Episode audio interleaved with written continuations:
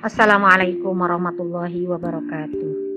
Alhamdulillahirrahmanirrahim. Allahumma salli ala Muhammad wa ala ali Muhammad. Allahumma salli ala Muhammad wa ala ali Muhammad.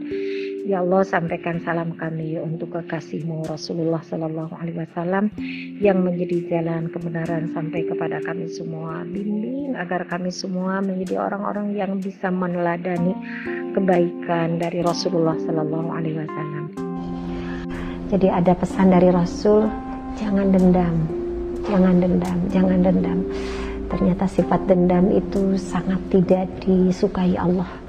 Karena orang yang memiliki sifat dendam dia hidupnya nggak akan bahagia. Hidupnya akan menderita. Nah sekarang uh, kita minta kepada Allah kalau masih ada benci di hati kan yang memulak balikan hati kita Allah. Yang libal qulub sabit qalbi ala dini uh, kalau kita sakit fisik kita minta kesehatan dari Allah kesembuhan.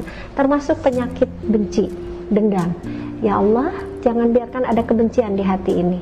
Itu ada di surat Al-Hasyr ayat 8 Rabbana gfir lana wa li ikhwanina alladzina sabaquna bil iman wa la taj'al fi qulubina ghillal lil ladzina amanu. Ghillal itu jangan ada kebencian, kedendaman, kedengkian. Itu sifat buruk kepada seseorang, apalagi itu saudara kita adik ipar, mertua itu kan saudara seiman dan saudara yang paling dekat. Dan siapa pun berpeluang melakukan kesalahan kepada kita. Sekarang kita kalau posisi di pada diri kita, apakah kita juga bersih dari kesalahan? Ya berarti kita pun pernah berbuat salah. Kalau ada orang yang dendam kepada kita karena kita berbuat salah, betapa nggak nyamannya kita juga. Ya kita sekarang dibalik, ada orang yang menyakiti, yang zolim kepada kita, kemudian kita malah jadi dendam, dia juga nggak enak, buat kita juga nggak nyaman. Jadi satu, ingat-ingat bahwa betapa buruknya orang yang memiliki sifat dendam. Yang kedua, minta kepada Allah supaya dihilangkan rasa dendam itu, ganti ya Allah dengan rasa rasa sayang Kemudian yang ketiga, kalau kita dendam kepada seseorang, lakukan sesuatu yang paling berat dilakukan.